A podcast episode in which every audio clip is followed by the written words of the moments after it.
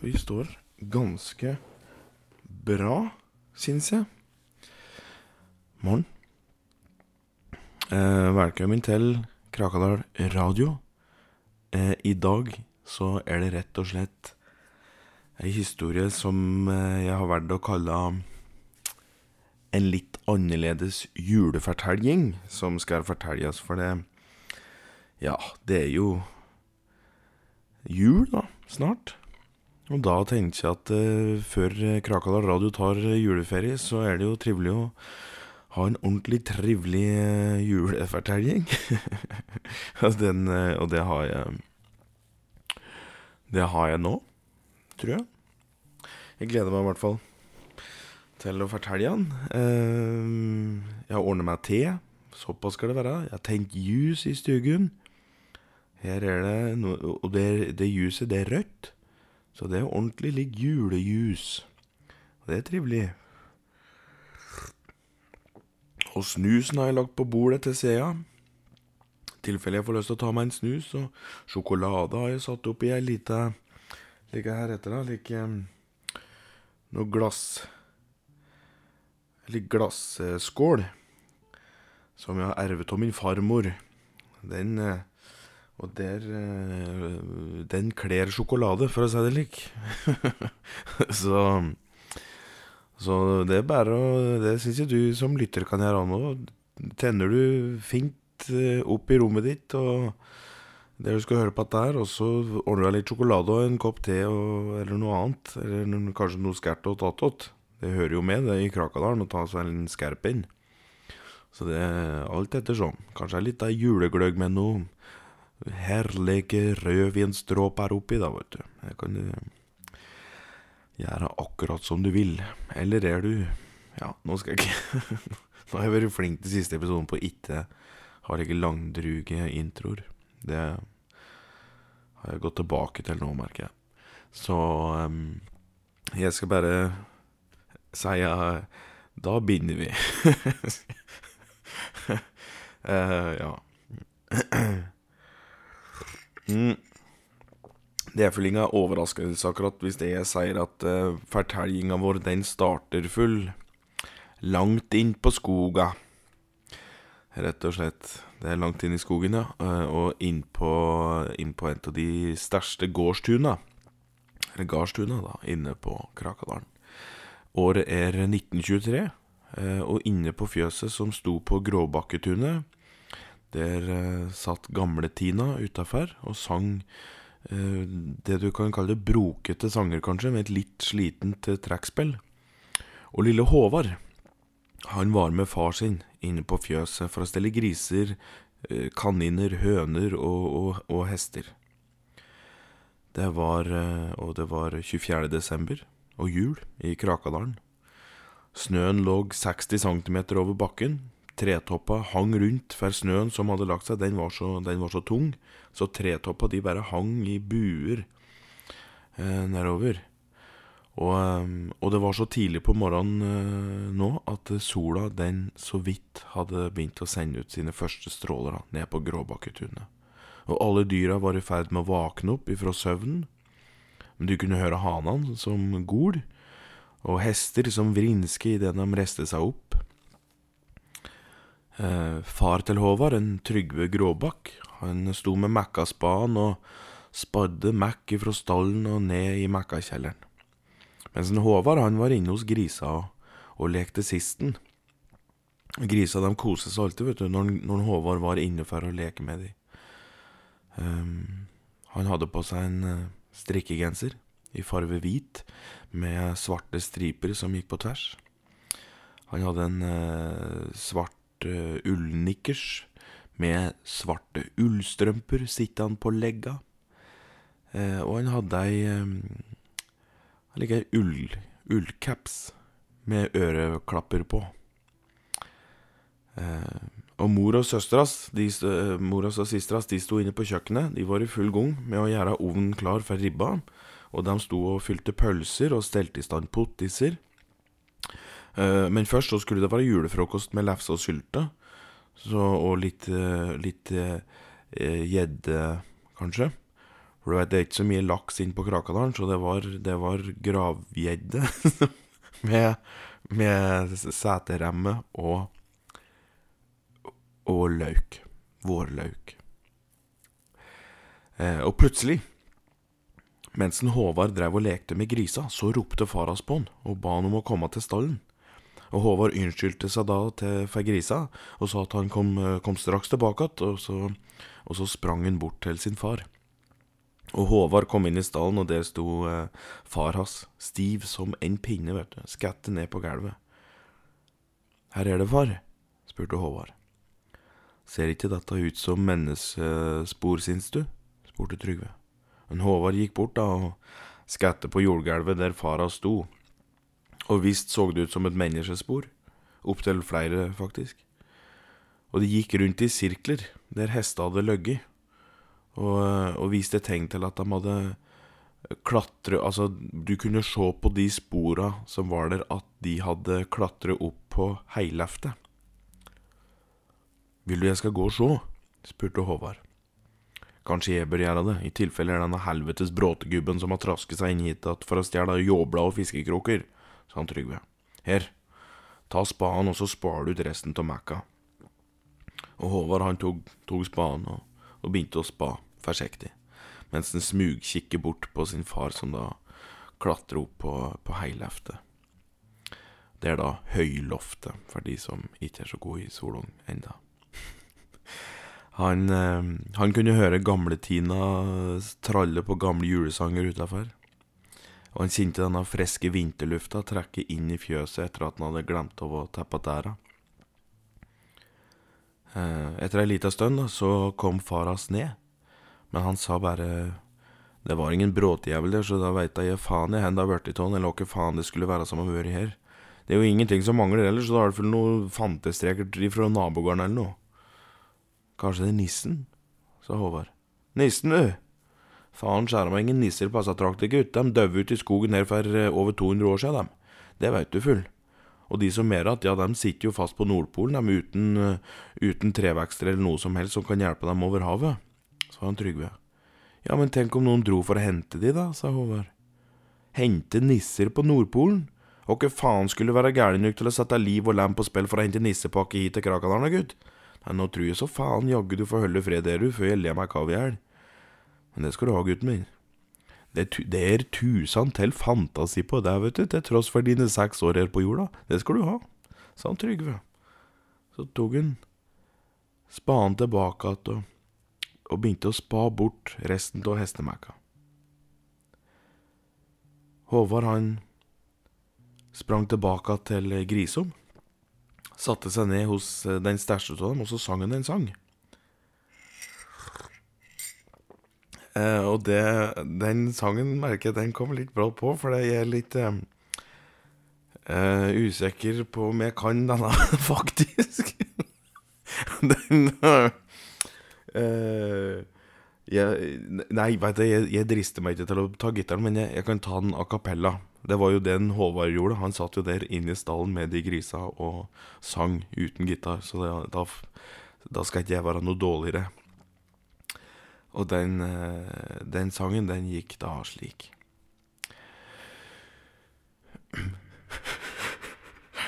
um, Min lille gris, du er så fin, den fineste grisen som fins. Jeg håper du aldri skal slaktes, og at du får leva. Hvis ikke veit jeg ikke her.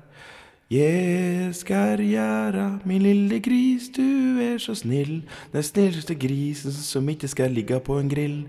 Jeg håper vi skal være venner helt til jeg dør.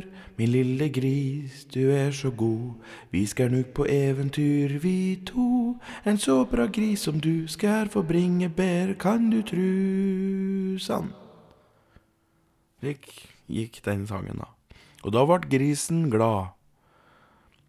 Var, da ble grisen kjempeglad. Alle griser syns egentlig at Håvard sin stemme var fin. Altså da, det er den eneste gangen på døgnet de grisene ikke grynte og, og, og Eller gikk bort og, for å grafse i seg noe mat. Eller lå og sov. Eller purke. som er en gammel Krakadalsvits. Den er grei. Eh, jeg beklager den skjea der, altså. Den, den er jævla dum. Men ja. Uansett, etter at den Håvard hadde sunget eh, sangen, eh, så hørte han noen rare lyder oppe på fjøsleftet. Og han begynte å rope på far sin, men han fikk ingen svar. Eh, og ikke hørte den gamle Tina sine sure toner utafor el. Han, og han så på grisom og hønom og kaninom, og, og de, var ikke, de var jo ikke urolige. Og da tenkte Håvard at da er det i hvert fall ingenting farlig som bråker det ropet. Men, men han ville gå da og se for det om. Og han klatra opp på stegene og så seg rundt på leftet. Men alt han så, da, det var bare kornsekker, eh, fire par ski, noe glass med syltelabber og syltetøy, eh, noen gamle malerier av natur og mennesker, og et bondesverd, ja, og noen nedstøve konjakkflasker. Og så så han plutselig ei rar lue som var både rød og, og litt lengre enn en, en det som var vanlig, da. Og han gikk helt opp uh, på løftet og sa ifra da til dyra nede at det var det er ingenting å være redd for. Han gikk bort til uh, lua, så seg rundt.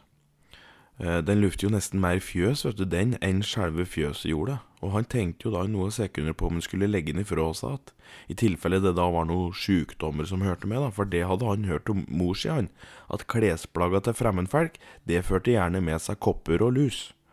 Ja, og så hørte han ei lita melkekasse røre på seg bak der han sto, og han skvatt til. Og der sto det jo en kær, og han var ikke stort høyere enn Håvard, altså det vil da si 106 centimeter. Eh, han hadde langt hår. Issen, den var skallet. Han hadde, og han hadde skjegg som råket ned til navlen hans. Uh, han smilte varmt og lunt, og han hadde, han hadde snille øyne. Og Håvard gliste tilbake igjen. Så det er du, det er du som er Håvard Gråbakk, sa da den stutte gubben. Ja, og hva er du, da? spurte Håvard. Er fjøsnissen Reidar, sa fjøsnissen Reidar. Heter du fjøsnissen Reidar? spurte Håvard. Nei, nei, nei, jeg heter bare Reidar, men jeg er fjøsnisse. Du veit, inn på skoga her så har jeg hørt at det er så populært å introdusere seg med navn og yrke i ett, da, vet du, så da ja, du kan kalle meg Du kan jo bare kalle meg for Reidar om du vil. Eller Nisse, eller Fjøsnisse Reidar, eller Fjøsnissen, det, det, ja, det bestemmer du sjæl, det. Akkurat. Er det, er det lua di? Ja takk, ja, det, det er lua mi. Den lufter joggu mækk, sa han Håvard og strakte den ut, altså fjøsnisse Reidar fikk den tilbake att. Ja, du veit, det er ikke mye brukbart for klær å bo i fjøs, vet du, de, og de, dø, de, dyra som det du har, vet du, de driter jo faen som om det skulle vært det snøinferno attåt, da, vet du, så, og du veit, da blir det slik den blir lufta, lufta. Ja, da lo han Håvard greit, han fjøsnissen sa det, gitt. Han lo Det var liksom noe var noe snodig med den nissen her, Sinsen. Sinsen eh, Håvard. Det er klart Han hadde jo ikke så mange å sammenligne med, for han hadde jo ikke møtt noen nisser før. Men han hadde ikke sett for seg at en nisse skulle være slik. Men så sa han plutselig, da, så sa han da, etter han hadde ledd ferdig, så sa han da, ja, men hvorfor bor ikke du i hus, da? Nei, du veit, det, det, er mye greiere vet du, å bo i fjøs. Du vet, Da kan jeg lure til meg småsaker da, vet du, som folk ikke bruker på lenge, og da, og da tror de bare at de har rotet det bort. Så blir det ikke lensmann og slik da, vet du, involvert, så da, det, det, er jo sabla greit, da. Og maten den henger lett tilgjengelig, så du veit, da går det fint å snukle litt hver dag uten at folk tenker på det. For du veit, da, da er det bare fjøsmusa da, vet du, som, som får skylda, så det funker jo òg kjempebra. Og du ser for eksempel her, se her. Far din, han drikker jo ikke konjakk, og da jeg flatt inn i låven her, ja, da var det 18 18 flasker konjakk som sto i den kassa der. Nå ser du, nå er det bare to. Han har ikke merket noe som helst ennå, sa fjøsnissen. Ja, men den konjakken, den har jo far min spart til den dagen han fyller 30, og den kom jo nå i februar, sa Håvard med bekymra ansikt og lik. Og det var da som ville snømannsballer òg, det, da, sa fjøsnissen og sperket bortåt ei musefelle som lå der, og det var jo ei uheldig mus, da, som var fastklemt i den. Døv, altså. Gleder du deg til jul, da? spurte fjøsnisse Reidar. Litt. Jeg, jeg gleder meg til maten, og så gleder jeg meg til å åpne gava mi. Ja, ja, ja, du er jammen heldig, du, som får gave. Du veit ikke alle som har det slik ut. Er det sant? Ja, så veit du det? Jo, Jeg trasker nå rundt om bygda og hilser på de andre fjøsnissene på bygda, da, vet du. Da er det ikke alle fjøsene i Sirel som er så heldige med fjøsene bor i, så noen dem er nødt til å sperre av gris og høns, vet du, om de ikke kan få smake litt på maten som de får. Og du veit, for noen husstander, de har ikke så mye mat, og noen feirer jo faen ikke jul her, vet du, svarer fjøsnis Reidar. Han sa ikke faen, det var det jeg som improviserte og sa faen. Fjøsnissen banner ikke. Jeg beklager det. Eh, ja, feirer de ikke jul? Men her gjør de da? spurte Håvard da og da så fjøsnissen rundt seg og så mumle noe ord for seg sjæl før han gikk bort til vinduet som var eh, eh dekt av frost. Og han skrapa bort frosten med noe mekkete negler, og så myste han ut mot morgensola. Men Håvard han sto like ved leftsåpningen og, og lurte på om han skulle lett fjøsnissen få tenke i fred. Vil du bli med på ei lita reise? spurte fjøsnissen Reidar så kan du se hvordan are folk har det. Ikke, ikke hvis det bare er elendighet og lidelse. Jeg vil ikke tenke på slikt i jula, svarer Håvard og satte et bein på stegene. Jeg slapp av, jeg skal vise deg fine ting òg, sa fjøsnissen med et lunt glimt i øyet. Og så gikk de ut. Men de passer jo på da, så at mor og søster ikke sto i glass og skvatt ut, og at det gamle Tina ikke var å verken se eller høre, for, og, og at far da ikke visste at og far visste jo Visste de Ja, nei, far visste dem jo at han sto jo fortsatt inne med hester. Så han var de ikke bekymret for. Mm. Fjøsnisse Reidar eh, tok hånda til Håvard. Og så sprang de i minst 100 km i timen, for fjøsnissen han hadde jo noen magiske krefter, han kan du tro. Og så, og så etter et par minutter så sto de utafor et lite hus inne på Svulrya. Eh, og det sto ei tent julegran innåt glasset. Og det var òg noen julenek som sto oppstelt uh, utafor huset, da, der, der dompapen koste seg ordentlig. Kom her, sa fjøsnisse Reidar og, og vinket bort til den ene glassruta. Og det var bare fire glassruter på hele huset her. Det var et, um, dette var et um, gammelt tømmerhus, men det var reikstue der, og det var badstue der. Ja, sjå der, og heter Anna, og han der, han heter Joar, sa fjøsnissen. Håvard skvatt inn og så to stykker som satt og drakk noe blankt ifra ei kanne av noe slag. Og de smilte og de lo, de skjenket hverandre og seg sjæl med alt mulig rart, og åt syltelabber som, som snacks, da. Ja, her er det med de to, spurte Håvard. De er så innmari glad i hjemmebrent, og de brenner sjæl. De veit ikke at det er jul egentlig, men de feirer julaften hver helg. Sjå så lykkelige de er, sa fjøsnissen. Ja, men Men har de ingen unger eller familie? spurte Håvard. Ja, en gang i tida hadde de sikkert hver sin mor og hver sin far, og kanskje var det slik de alltid ville feire jula. Noen unger vil de ikke være i stand til å få, for Joar skarte og ballom sine under en krangel de hadde, om de noen dag ung skulle ha unger. Og tre år etterpå, da de krangla om det samme, ja, da hadde jo Anna glemt at den Joar hadde skåret av seg ballom, så hun reiv ut livmora si, sa fjøsnissen. Men her er det du sier, da, sa Håvard. Ja, ja, livmora det er jo det som ligger mellom urinblæra og endetermen, det, og det er laga slik at den skal kunne fòre opp en baby som eventuelt er på vei, da. Så uten livmor, vet du, da blir det ingen unger. Og baller er det jo slik som du, det er jo slik som du, ja, jeg veit, jeg veit her det er, ja, takk, svarer han Håvard da, litt småpinlig berørt. men, eh, men hvorfor feirer de jul om de ikke har eh, unger, da? Nei, som sagt, eh, noe trivelig var det med jula i deres barndom òg, ettersom de er så glad i jula. Man trenger ikke unger for å feire jul. Jula er til for å feite seg opp og kose seg der man skal legge årets stress og kjas bak seg. Du vet, det er den høytida da folk og dyr bare kan slappe av og kose seg, og så bare kose seg, vet du sa fjøsnissen. Og det, og det virker som om det var egentlig et greit nok svar fra Håvard, det, altså. Og så tok fjøsnissen tak i hånda til Håvard, og så for de videre så snøspruten sto til værs. Og så sto han plutselig utafor et nytt hus. Og dette var et litt stær gardstun, med en hest eh, som sto utav fjøset. Fjøsnissen gikk først og vinket Håvard til seg. De huket seg ned, framma der, og fjøsnissen han åpner forsiktig opp der og hvisker Hysj, Ikke så mye som et åndedrag. Og Håvard han holdt seg for munnen. Mens de krøp seg inn i huset når de kom inn i kjøkkenet, så sto de da bak en benk, og i naborommet så kunne de se ei eldre dame som måtte være minst 80 år gammel, og hun satt og gredde håret sitt framme en spele. Se på meg. Se, se på meg. Ser du meg nå?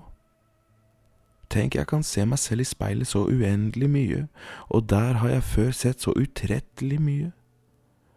Men nå ser jeg ingenting lenger, jeg ser hår, rynker, trette øyne, en smal munn, men jeg ser ingen framtid lenger, sa den gamle dama. Her betyr framtid, hvisker Håvard. Fjøsnissen snudde seg langsomt mot Håvard og så på ham med store øyne. Framtid. Ja, det betyr det som kommer. Slik som du, en ung liten tass. Du har hele livet framme deg, du har framtida framme deg. Å ja. Og for at hun er gammel og snart skal dø, så har hun ingen framtid lenger. Fjøsnissen Reidar svarer ikke men han nikker rolig med huet etter hvert som han erindrer her ung Håvard faktisk var. For Håvard var jo bare seks år, så han Ja, han var jo et barn. Hvorfor er det ikke noe juletre her? hvisker Håvard. Fordi hun ikke lenger har noen glede av jula. Hennes mann strøk med for noen dager sia, og unga hennes dem har flyttet til Amerika. Hun har ingen å feire jul med, og derfor gidder hun ikke å ordne noe jul heller, svarer fjøsnissen. Ja, men får hun ingen gaver, da? Nei, ingen. Kan jeg invitere henne hjemme til Østa? spurte Håvard. Jo, ja ja, det kan du, sa fjøsnissen. Og da tok Håvard og reiste seg opp og gikk bort til døråpningen inn til det rommet hun satt. Men den gamle dama kunne se han da så vidt i spelen, og når hun snudde seg og så Håvard, så skvatt hun så innmari mye, så hun skreik og tur seg lunger og pust. Og Håvard skvatt jo og sprang ut i den tjukke snøen og snubla og datt, og fjøsnissen Reidar han kom springende etter. Nei, så smelte snøget på vrengte mandariner, du tok jo for svarte pepperkvern og drepte kjerringa, du. Det er vel noe annet enn å invitere til litt ribbe og kos hjemme med familien din, eller? Hæ, skulle ikke du invitere henne, da? Ja, men jeg visste jo ikke at hun ville skvette slik, sa Håvard med gråten i hersen. Nei, det visste hun egentlig ikke Nei, nei, nei, det visste jo egentlig jeg. Ja, ikke tenk på det, gutt. Hun hadde gjort en avtale om at fanden skulle komme og hente henne i kveld uansett, så det, dette går nok bra. Fanden blir nok litt sur da, da han skjønner at han må, være, at han må bære skrøpeligheten hele veien til myrkjelleren, men, men, slik er det. Det er da jul, og, og, han har da aldri hatt noe juletre å bære på slik som oss har det, så det må få gå, det òg, sa han Fjøsnils med, med munterhet og trøst i stemmen sin, da, vet du. Og han tok hånda til Håvard, løfte den opp, og før de da gauv løs til neste gard. mm. Først, da. Um,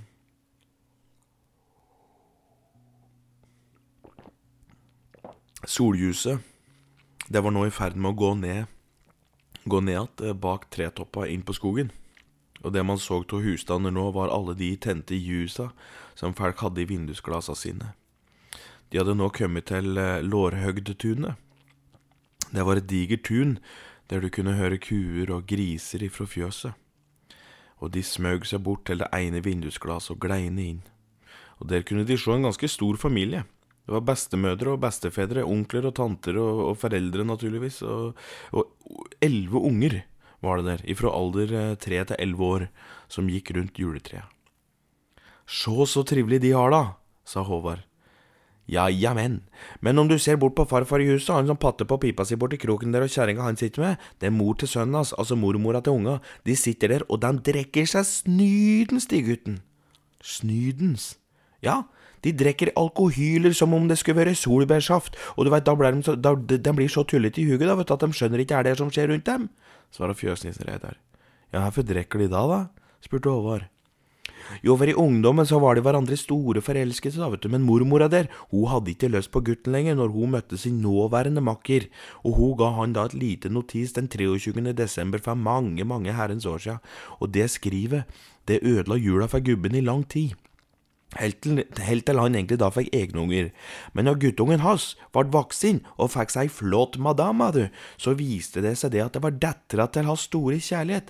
Så det sitter de to, da, og etter det, vet du, da var jo jula ødelagt for han, og det viste seg at da måtte de feire jul med hverandre, vet du. Så det ødela jula for hun òg. Så nå sitter de der, drikker med hverandre i en slags forsonlig dus, da, vet du, her enda julaften.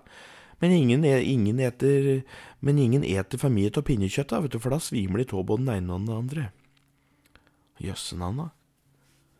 Men hvorfor feirer de jul sammen da, hvis de syns at jul er ødelagt? spurte Håvard. Jo da, de skjønner det at hvis de ikke feirer jula sammen, du veit, da begynner bygdesladeren å vandre rundt, da, vet du, og da tror de sjæl at folk mister litt sansen for dem. Du må vite det at i en slik derre velstående familie inn på Krakaland, vet du, så er det viktig at folk tror de har det bedre enn alle andre, sa fjøsnister Reidar. Det høres da dumt ut, det, sa Håvard. Ja. Folk er som regel dumme, svarer fjøsnissen. Og så tok han hånda til Håvard nukk en gang. Og plutselig så sto de utafor en gard med, med, hester. Eh, men de hestene de gikk jo litt kalvbeint og rart da, rundt om på tunet. Og Håvard undrer litt på hvorfor de gikk så rart, og da sa jo fjøsnissen at det var jo fordi han delte litt på konjakken som han hadde stjålet av faras, egentlig. For det var jo det, fjøsnisse Reidar, han hadde tatt med seg da konjakken til Håvard sin far, og skjenke dyra i Krakadalen med konjakk, for at han var så redd de skulle frise. Så da hadde han med brunt brennevin til dem, så de skulle varme, varme, varme, varme seg litt, da. Og, ehm, og de hestene som sto utafor det huset her, eller det tunet her nå, da de De hadde fått i seg litt mye konjakk. Skjenker du hester med konjakken til far? brøt Håvard ut da. Ja, på kalde kvelder som desemberkvelder er det viktig at jura får litt varmt i bringen, da, vet du. Det er derfor du datt og brakk ermen ferjehjul, for du veit den hesten du satt på, den var jo klin kanakas dritings, den, vet du. Stuttesvarten hadde jo drukket åtte hele flasker han aleine før du tok dem ut på rietur. Og slik stabeis som han, vet du, det bør ikke skjenkes egentlig, for det var jo ikke det var jo, Nei, for det var jo lite med konjakk, vet du, til de andre hestene, sa fjøsnissen. Idet de skulle titte inn i glassruta på den gården de nå, de nå sto og, og, og, og, så på, da, så var det en Så var det jo en stemme som kom bak de som Og den stemmen sa Nei, men hoi og hei og hei og hoi og hoi og hoi, du. Det er lenge siden jeg har sett deg, Reidar. Og da de snudde seg, så sto det jo en faun der, med dårlig skjegg, og glana på de. Jøss, er det der, Ronny? Jeg trodde du var død, gitt. Det var jo knapt nok at kirsebærsprit etter ferje julebord, sa fjøsnissen og gikk bort til Ronny. Det var en liten faun på 151 centimeter. De, de lo jo godt, da. De gjorde det. Og så snudde nissen seg til Håvard og sa Du skjønner, hvert år så har vi eh, Så har Faunforeninga og Nisselosjen julebord i Opus. Og hvert år møtes vi og drikker tyttebærbrennevin, plommebrennevin, eggehvite og laksekraft, mens vi eter da alt som bøndom lett blir igjen av grisen. Så i fjor, for eksempel, da åt vi svinemarg og hesteankler. Men det var godt, det òg, det skal du vite. Håvard, han svara ikke. Men han så på faunen som Sto der i bar overkropp og et hofteparti Ja, han skulle ikke vært overraska om det egentlig var stjålet av ei geit. Altså, ja, fra hoften og ned så hadde det liksom en geiteskrott. Jeg ber om forlatelse for min milde frekkhet. Mitt navn er Ronny. Ronny Bukk, sa Fauden, strakte ut nevene. Håvard helste pent og, og bukke. Beklager å komme så bardust på. Det er egentlig ulovlig for meg å ferdes på gårder nå som nå om dagen, men det er, jo, det er jo jul, og nå så jeg at du skulle innom Freddy faen og se hvordan det sto til, så da måtte jeg, sa jeg hei, ja, vet du, sa Ronny Bukk. Er det ulovlig for deg å ferdes på gardstuen, sier du? spurte fjøsnissen da. Ja, du veit, etter at jeg lå med Dagros i vår, så har jo Faunforeningen sagt at de ikke kan ferdes på gard rundt om, eh, og det er av sikkerhetsmessige årsaker til dyra, da. Du, du lå med Dagro, sier du? Altså kua til Kjell Kåre? Kua til Kjell Kåre, ja. Ei riktig fager og fin ei ku, vet du, men hun har ikke Jeg har ikke preket med henne siden det skjedde, da, så Ja, sier du det, ja? Nei, ja, det, nei, den, den Ja, akkurat, ja. Mm, ja, nei, det Jeg så ikke den, jeg. Eller jeg så ikke at det du mm, det, ja, Akkurat, ja. sa fjøsnissen. Ja, nei, jeg gjorde ikke av dager Det gjorde ikke dager og selv, sa Fauno og, lo gatt av sin egen grovis. Men det er jo ingen som skjønte den grovisen. Jeg merker det nå da jeg sa noe, så jeg skjønte ikke den vitsen. Å ja, han Ja, kua så ikke understellet hans, nei. Det var det som var vitsen, ja. Ok. Mm. Men i hvert fall, da. Fjøsnissen sa at han var nødt til å få unnagjort det han skulle vise Håvard. Og da ville Faunen være med, så alle tre de liste seg bortåt vinduet og så inn. Der satt en, der satt en Åge, lokale lensmann. Der sitter han aleine, år etter år uten noen å feire jula med, sa fjøsnissen. Ja, han er fullt såpass at han ikke veit at det er jul ennå heller, han, sa faunen. Hvorfor er han aleine, da? spurte Håvard. Jo, han, eh, han er uten slekt, rett og slett. I barndommen så mistet han både sin far og mor, søster og bror, og, og så døde grisen hans, og til slutt kaninen, da. Han fant kaninen sin liggende død en sommersdag ute på plenen sin, og du veit, da mistet han all fornuft. Og lensmannen har han jo blitt, men han har jo ikke vært mye til hjelp, sa fjøsnissen. Og han var lensmann som ofte var full. Og hver gang noen skulle rapportere epleslang eller høylytt jodling, så ga han en fullstendig beng i det, og lot det være. Uh, og Åge, han satt i den stua og uh, Han sang en sang for seg sjæl der han satt. Uh, og Håvard ville høre den før fjøsnissen skulle ta han videre. Og den kan jeg jo. Han Åge her, lensmann Åge, det bandet mitt Skårbygda har jo en sang om han. Jeg veit ikke om den er på SoundCloud eller noe, men den heter bare Lensmann Åge. Eh, men i hvert fall, da. Den sangen som eh, godeste lensmann Åge satt og sang for seg sjæl på julekvelden. Den gikk vel eh, noe i denne gata her, tenker jeg. Å, oh, nå er jeg spent.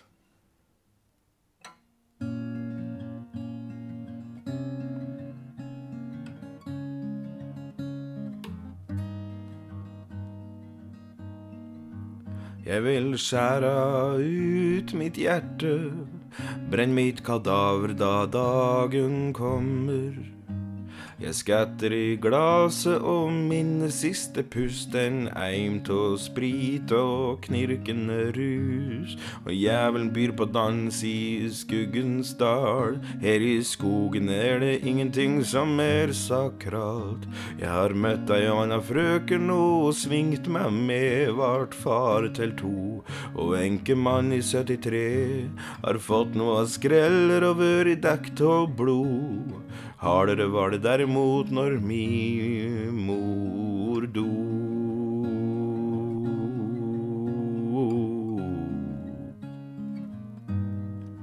Jeg vil spy ut mine termer, brekke hardt bein som skretten min bærer. Mine ord har ingen nytte på en sliten festplass. Mitt navn er skrevet med skamskrift på en utedass. Ei krone har jeg tjent både her og der. Prestekona sendte meg til Jesus da jeg våkna opp ut av klær. Tog har jeg kjørt i de dager jeg var ung. Drakk whisky og konjakk til eller kjenner meg passe dum. Mine reiser ga meg husrom hos mang en sjåfør. Jeg reiv mine negler i dårens herskap, slik skulle jeg stå til jeg dør.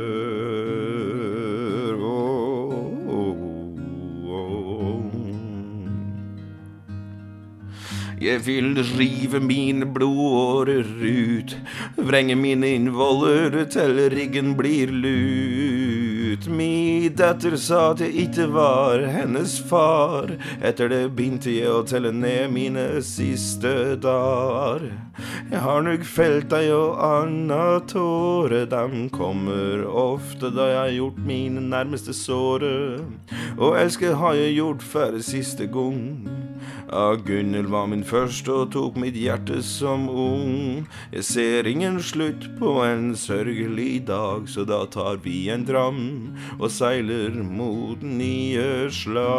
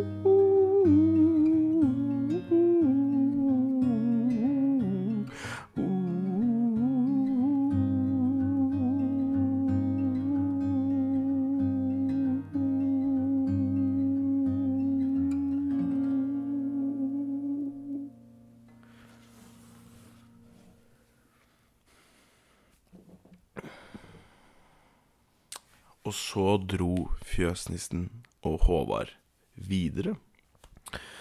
Og nå dro de da til den eh, lokale kjerka. Eh, den rommet ikke flere enn ti folk, og ofte så sto jo den eh, tom.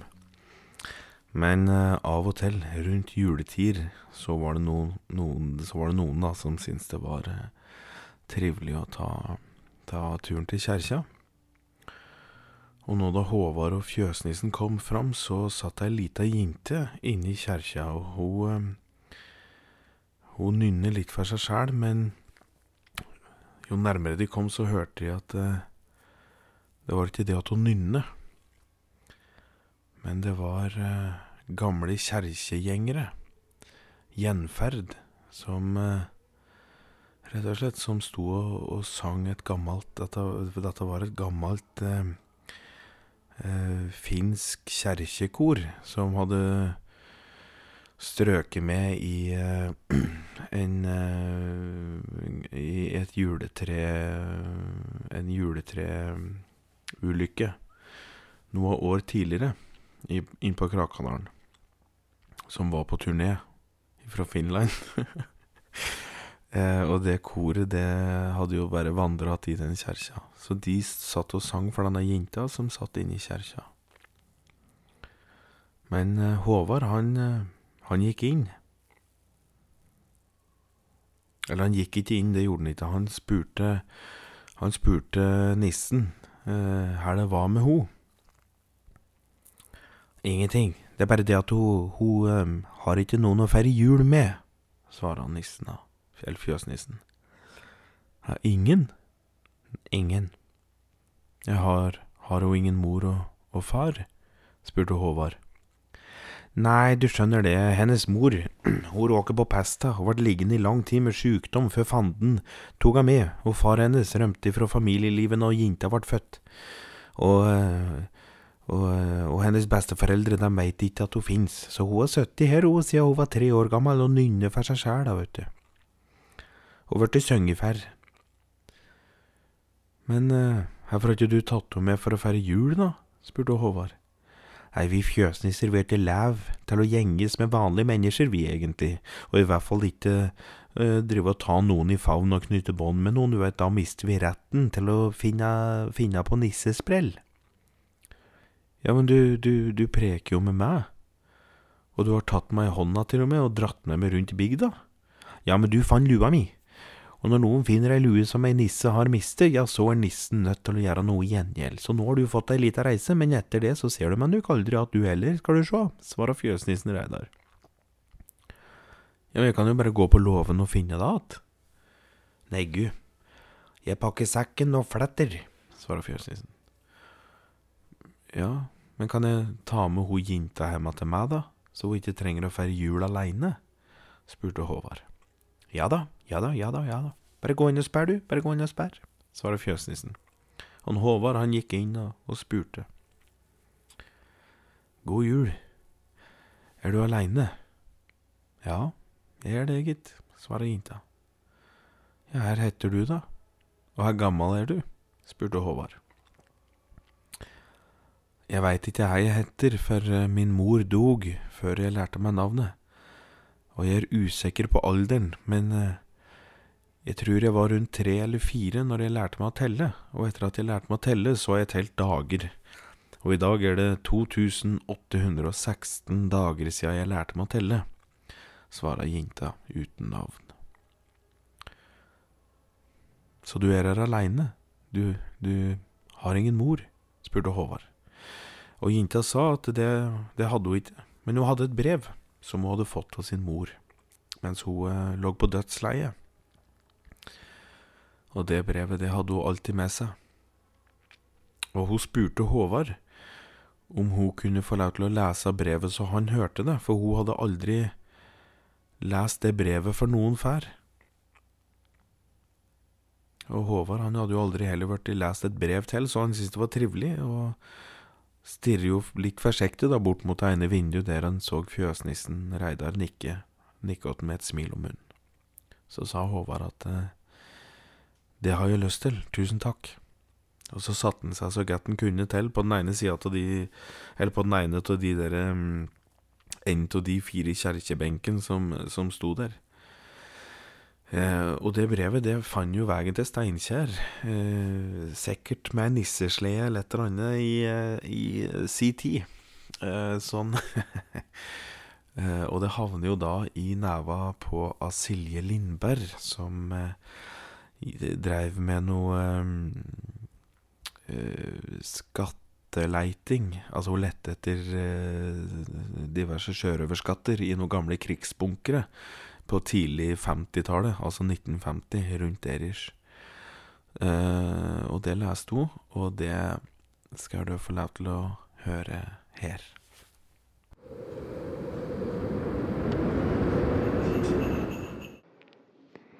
Min kjære lille pike, som blir større og større for hver dag.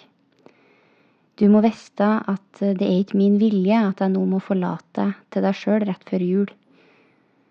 Jeg ønsker å rive ut min egen sjel når jeg tenker på hvordan jeg overlater deg til angstfulle år av savn, med lengsler fra barndom til alderdom. Når du er gammel nok til å lese, så er det greit at jeg skriver det her brev, og hvordan det er. Jeg har aldri ferda med løgn, og noe annet ville ha vært en skam om jeg nå på dødens rand skulle begynne med sånt. Som kjære datter, sånn er min lille julaften den siste jul jeg vil oppleve som et levende menneske. Jeg føler meg som et håpløst skall, med en tom favn der våre drømmer skulle ha ligget. Men jeg har minnene godt bevart, heldigvis, minnene om deg og din ankomst til vår jord. Det var en deilig dag der himmelen var blid og blå. Den hadde mange tusen smil i seg den dagen. Og deretter skulle himmelen begynne å le hver morgen som kom. I låven lå det hvite og søte små lam, mens din far varsla rundt og skålt med alle forbipasserende der han høyt deklarerte at han var blitt far til en frisk og frodig jente. Du lå der, med hår så gult som korn i høst, to øyne blå som dugga luft inntulla i et pledd med blomsterduft. Og jeg kunne kjenne lengselen skjelve, og jeg kunne drømme om den kjærlighet jeg fikk, min stjerne der jeg gikk. Du var så søt, og du var frisk. Jeg visste så lite om hva jeg skulle tilby, men om jeg visste hva jeg nå veit, så er det én ting jeg burde ha gjort. Jeg skulle ha tatt deg bort. Nå når jula er kommet, så er jeg enda mer redd. For utenfor er det vinterstorm og snøfokk, og det knyter seg i tynne bord som står her. Men jeg kan høre din sølvklingrende stemme i vogga di. Du er det fineste jula har sett. Jeg kjenner den her moderlige trang, og jeg kan høre alle mødres røst i en duvende sang. Å være din mor er alt jeg har drømt. Og jeg skammer meg sånn over sånn jeg har blitt dømt. For du må vite, min kjære datter, at frisk har jeg vært i alle de år. Og det, og det forbauser meg hvordan jeg har fått så mange sår. Din far må jeg beklage, er intet til kar, men jeg fant han i min ungdom når han var kjærlig og rar. Når du blir stor, og jula kommer, så håper jeg du tenner alle lys du kan, for å hedre alle du har kjær, og dans så godt du makter rundt den største julegran.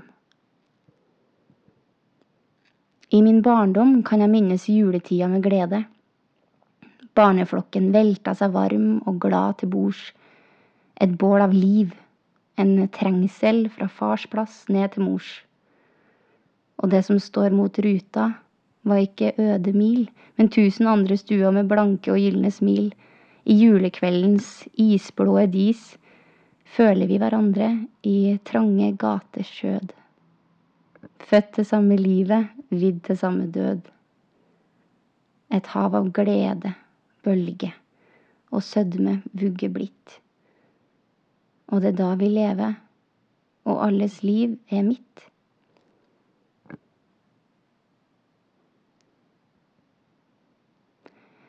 Jeg vet ikke hva mer jeg skal skrive, for mine armer er svake. Jeg kan høre sanger fra kirka, jeg kan høre barn som leker i snøen, og jeg hører deg i krybba.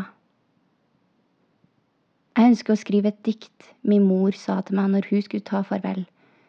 Men det er ikke hun som har skrevet det, men en ung mann ved navn Nordahl Grieg, og diktet heter Bønn. Du kysser mine øyne og from av fryd jeg ber, at usselhet og ondskap må ikke finnes mer.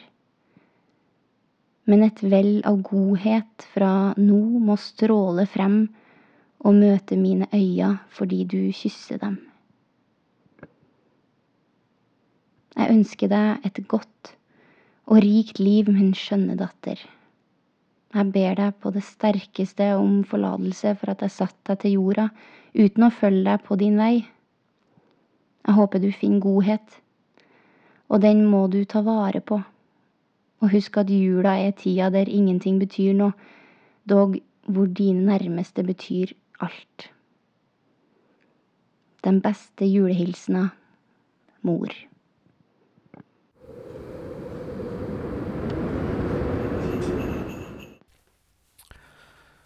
Og etter at jenta uh, uten navn hadde hadde lest brevet, så spurte hun Håvard eh, om hun ville bli med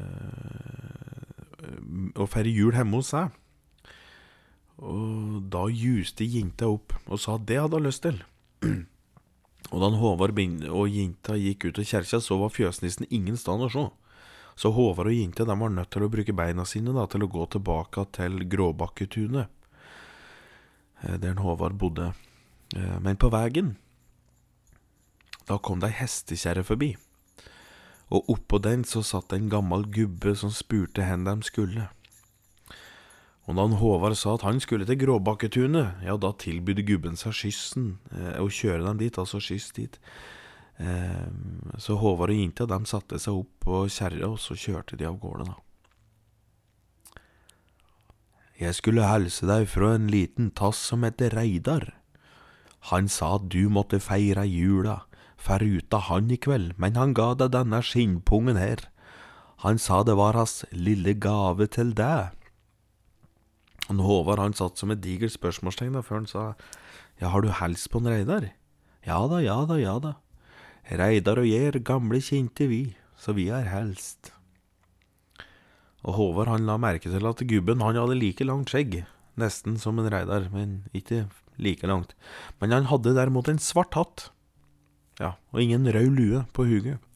Men vinterkåpa hans, den var, den var like rød som mor til Håvard sin vin.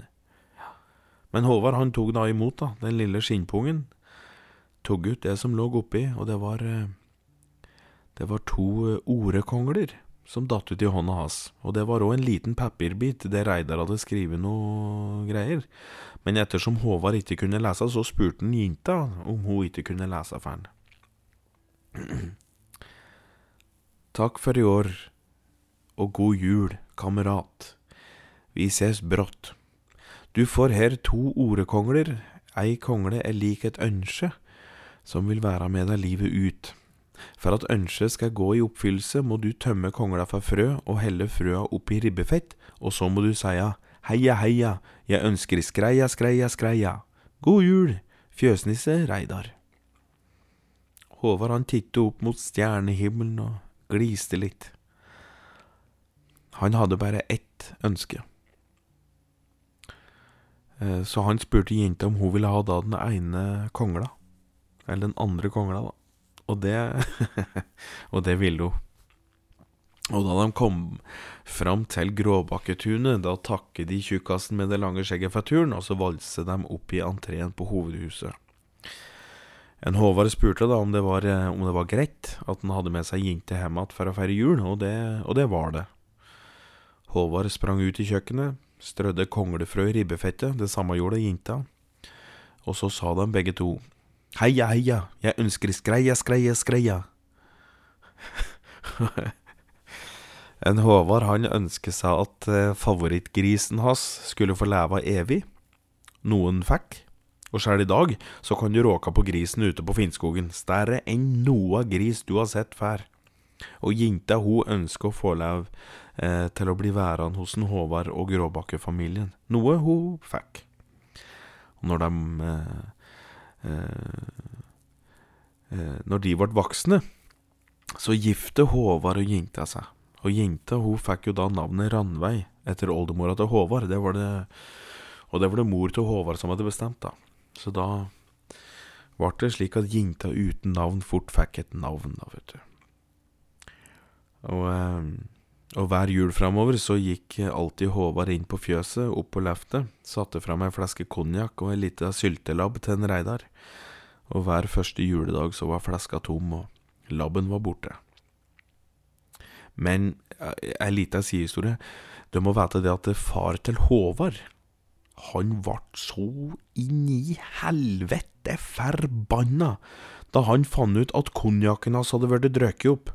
Og det fant jo han ut dagen før han skulle feire 30-årslaget, vet du. Så han endte jo da opp med å trappe opp hos noen av de der lokale drankere i bygda, og skrelte jo faen ta meg både åt én og fire stykken, vet du. Og det endte jo med at han ble jo i tre dager.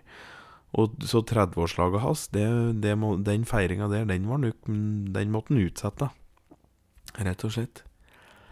Men, men utover det, så Håvard og Ranveig, som hun nå heter, de hadde mange fine juler framover, men Håvard skulle nok aldri se fjøsnissen Reidar igjen. Men han visste at fjøsnissen var der hell til den dagen en Håvard sjæl gikk til gravs. Og med det så er det egentlig bare å avslutte dagen i dag, men jeg skal avslutte med en julesang. Det er en julesang jeg har skrevet for et par-tre år tilbake, som jeg egentlig har spilt med Krakadalen Nei, med Skårbygda. Bandet mitt Skårbygda. Eh, sånn for de som vil, kan høre på Spotify eller iTunes eller en faen du ønsker. Men eh, jeg skal avslutte den. Men før jeg begynner å synge den, så har jeg lyst til å takke Silje Lindberg først og fremst for at hun ble med i dag. Og jeg vil takke alle som har bidratt nå med andre runde med Krakadal radio. Jonas Strand Gravli, Inga Josefine Ipsdotter Lillås Eller, ja, Inga eh, Ipsdotter Inga Ipsdotter Lillås. Ja, hun heter jo begge deler. Å, herregud, så teit. Uh, Inga Josefine Ipsdotter Lillås, takk. Og uh, Gard Godøys Pange. Uh, Ingeborg Knøsen. Ingjerd Egeberg. Ingjerd Egeberg.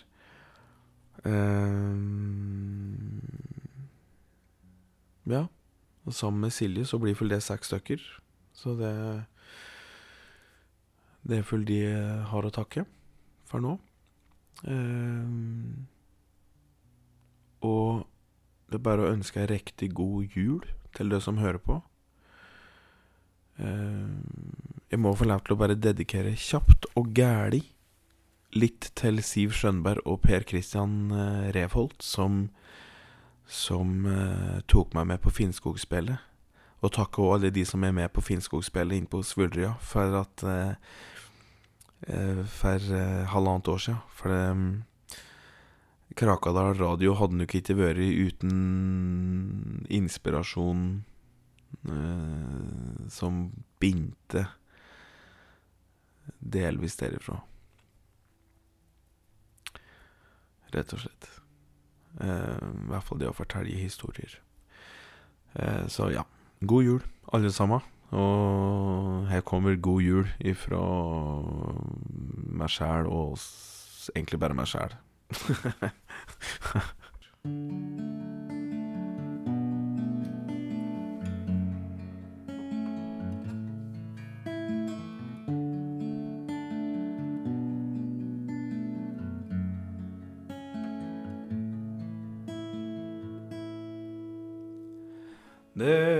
Det inga tid på året der ting er så trivelig.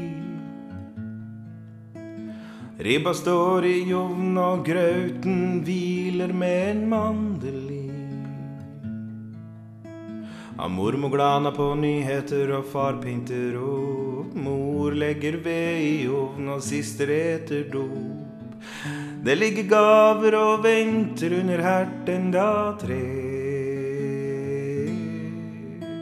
Og sjæl sitter jeg i stua og følger ikke med. God jul, god jul. God jul,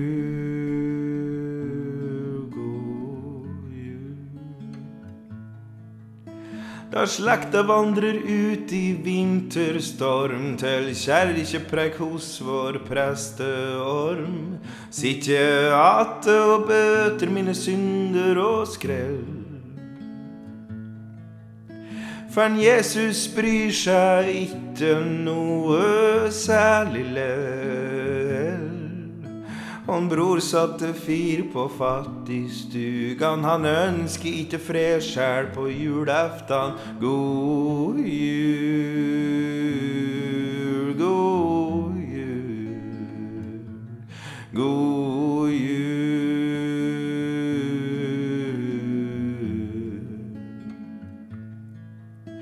Da julestjerna la seg høgt over berget, kom en gamlefar inn med noe roser å selge. Mor takker nei, og far bydde på en klump. En gamlefar la rosen ned og satte seg ved ovn. Og julefreden senkes, og alle har eti seg mette. Gaven rives opp som et villeskjær av helvete. God jul.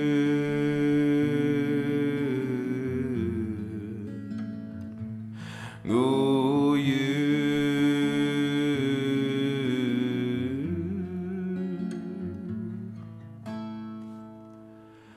Jeg satt oppe helt til klokka slo tolv. Drakk meg sydens for å unngå familievold. Gikk rundt i stua og danset en sving, og min dansekamerat gikk ved navn Brennevin. Vi gliste og lo mens gulvet var kavaler. Og huset var tomt, og det er ingen andre som ler. Da huset brant ned og alt var forlatt, fant jeg veien til himmelen med fanden bak rattet. God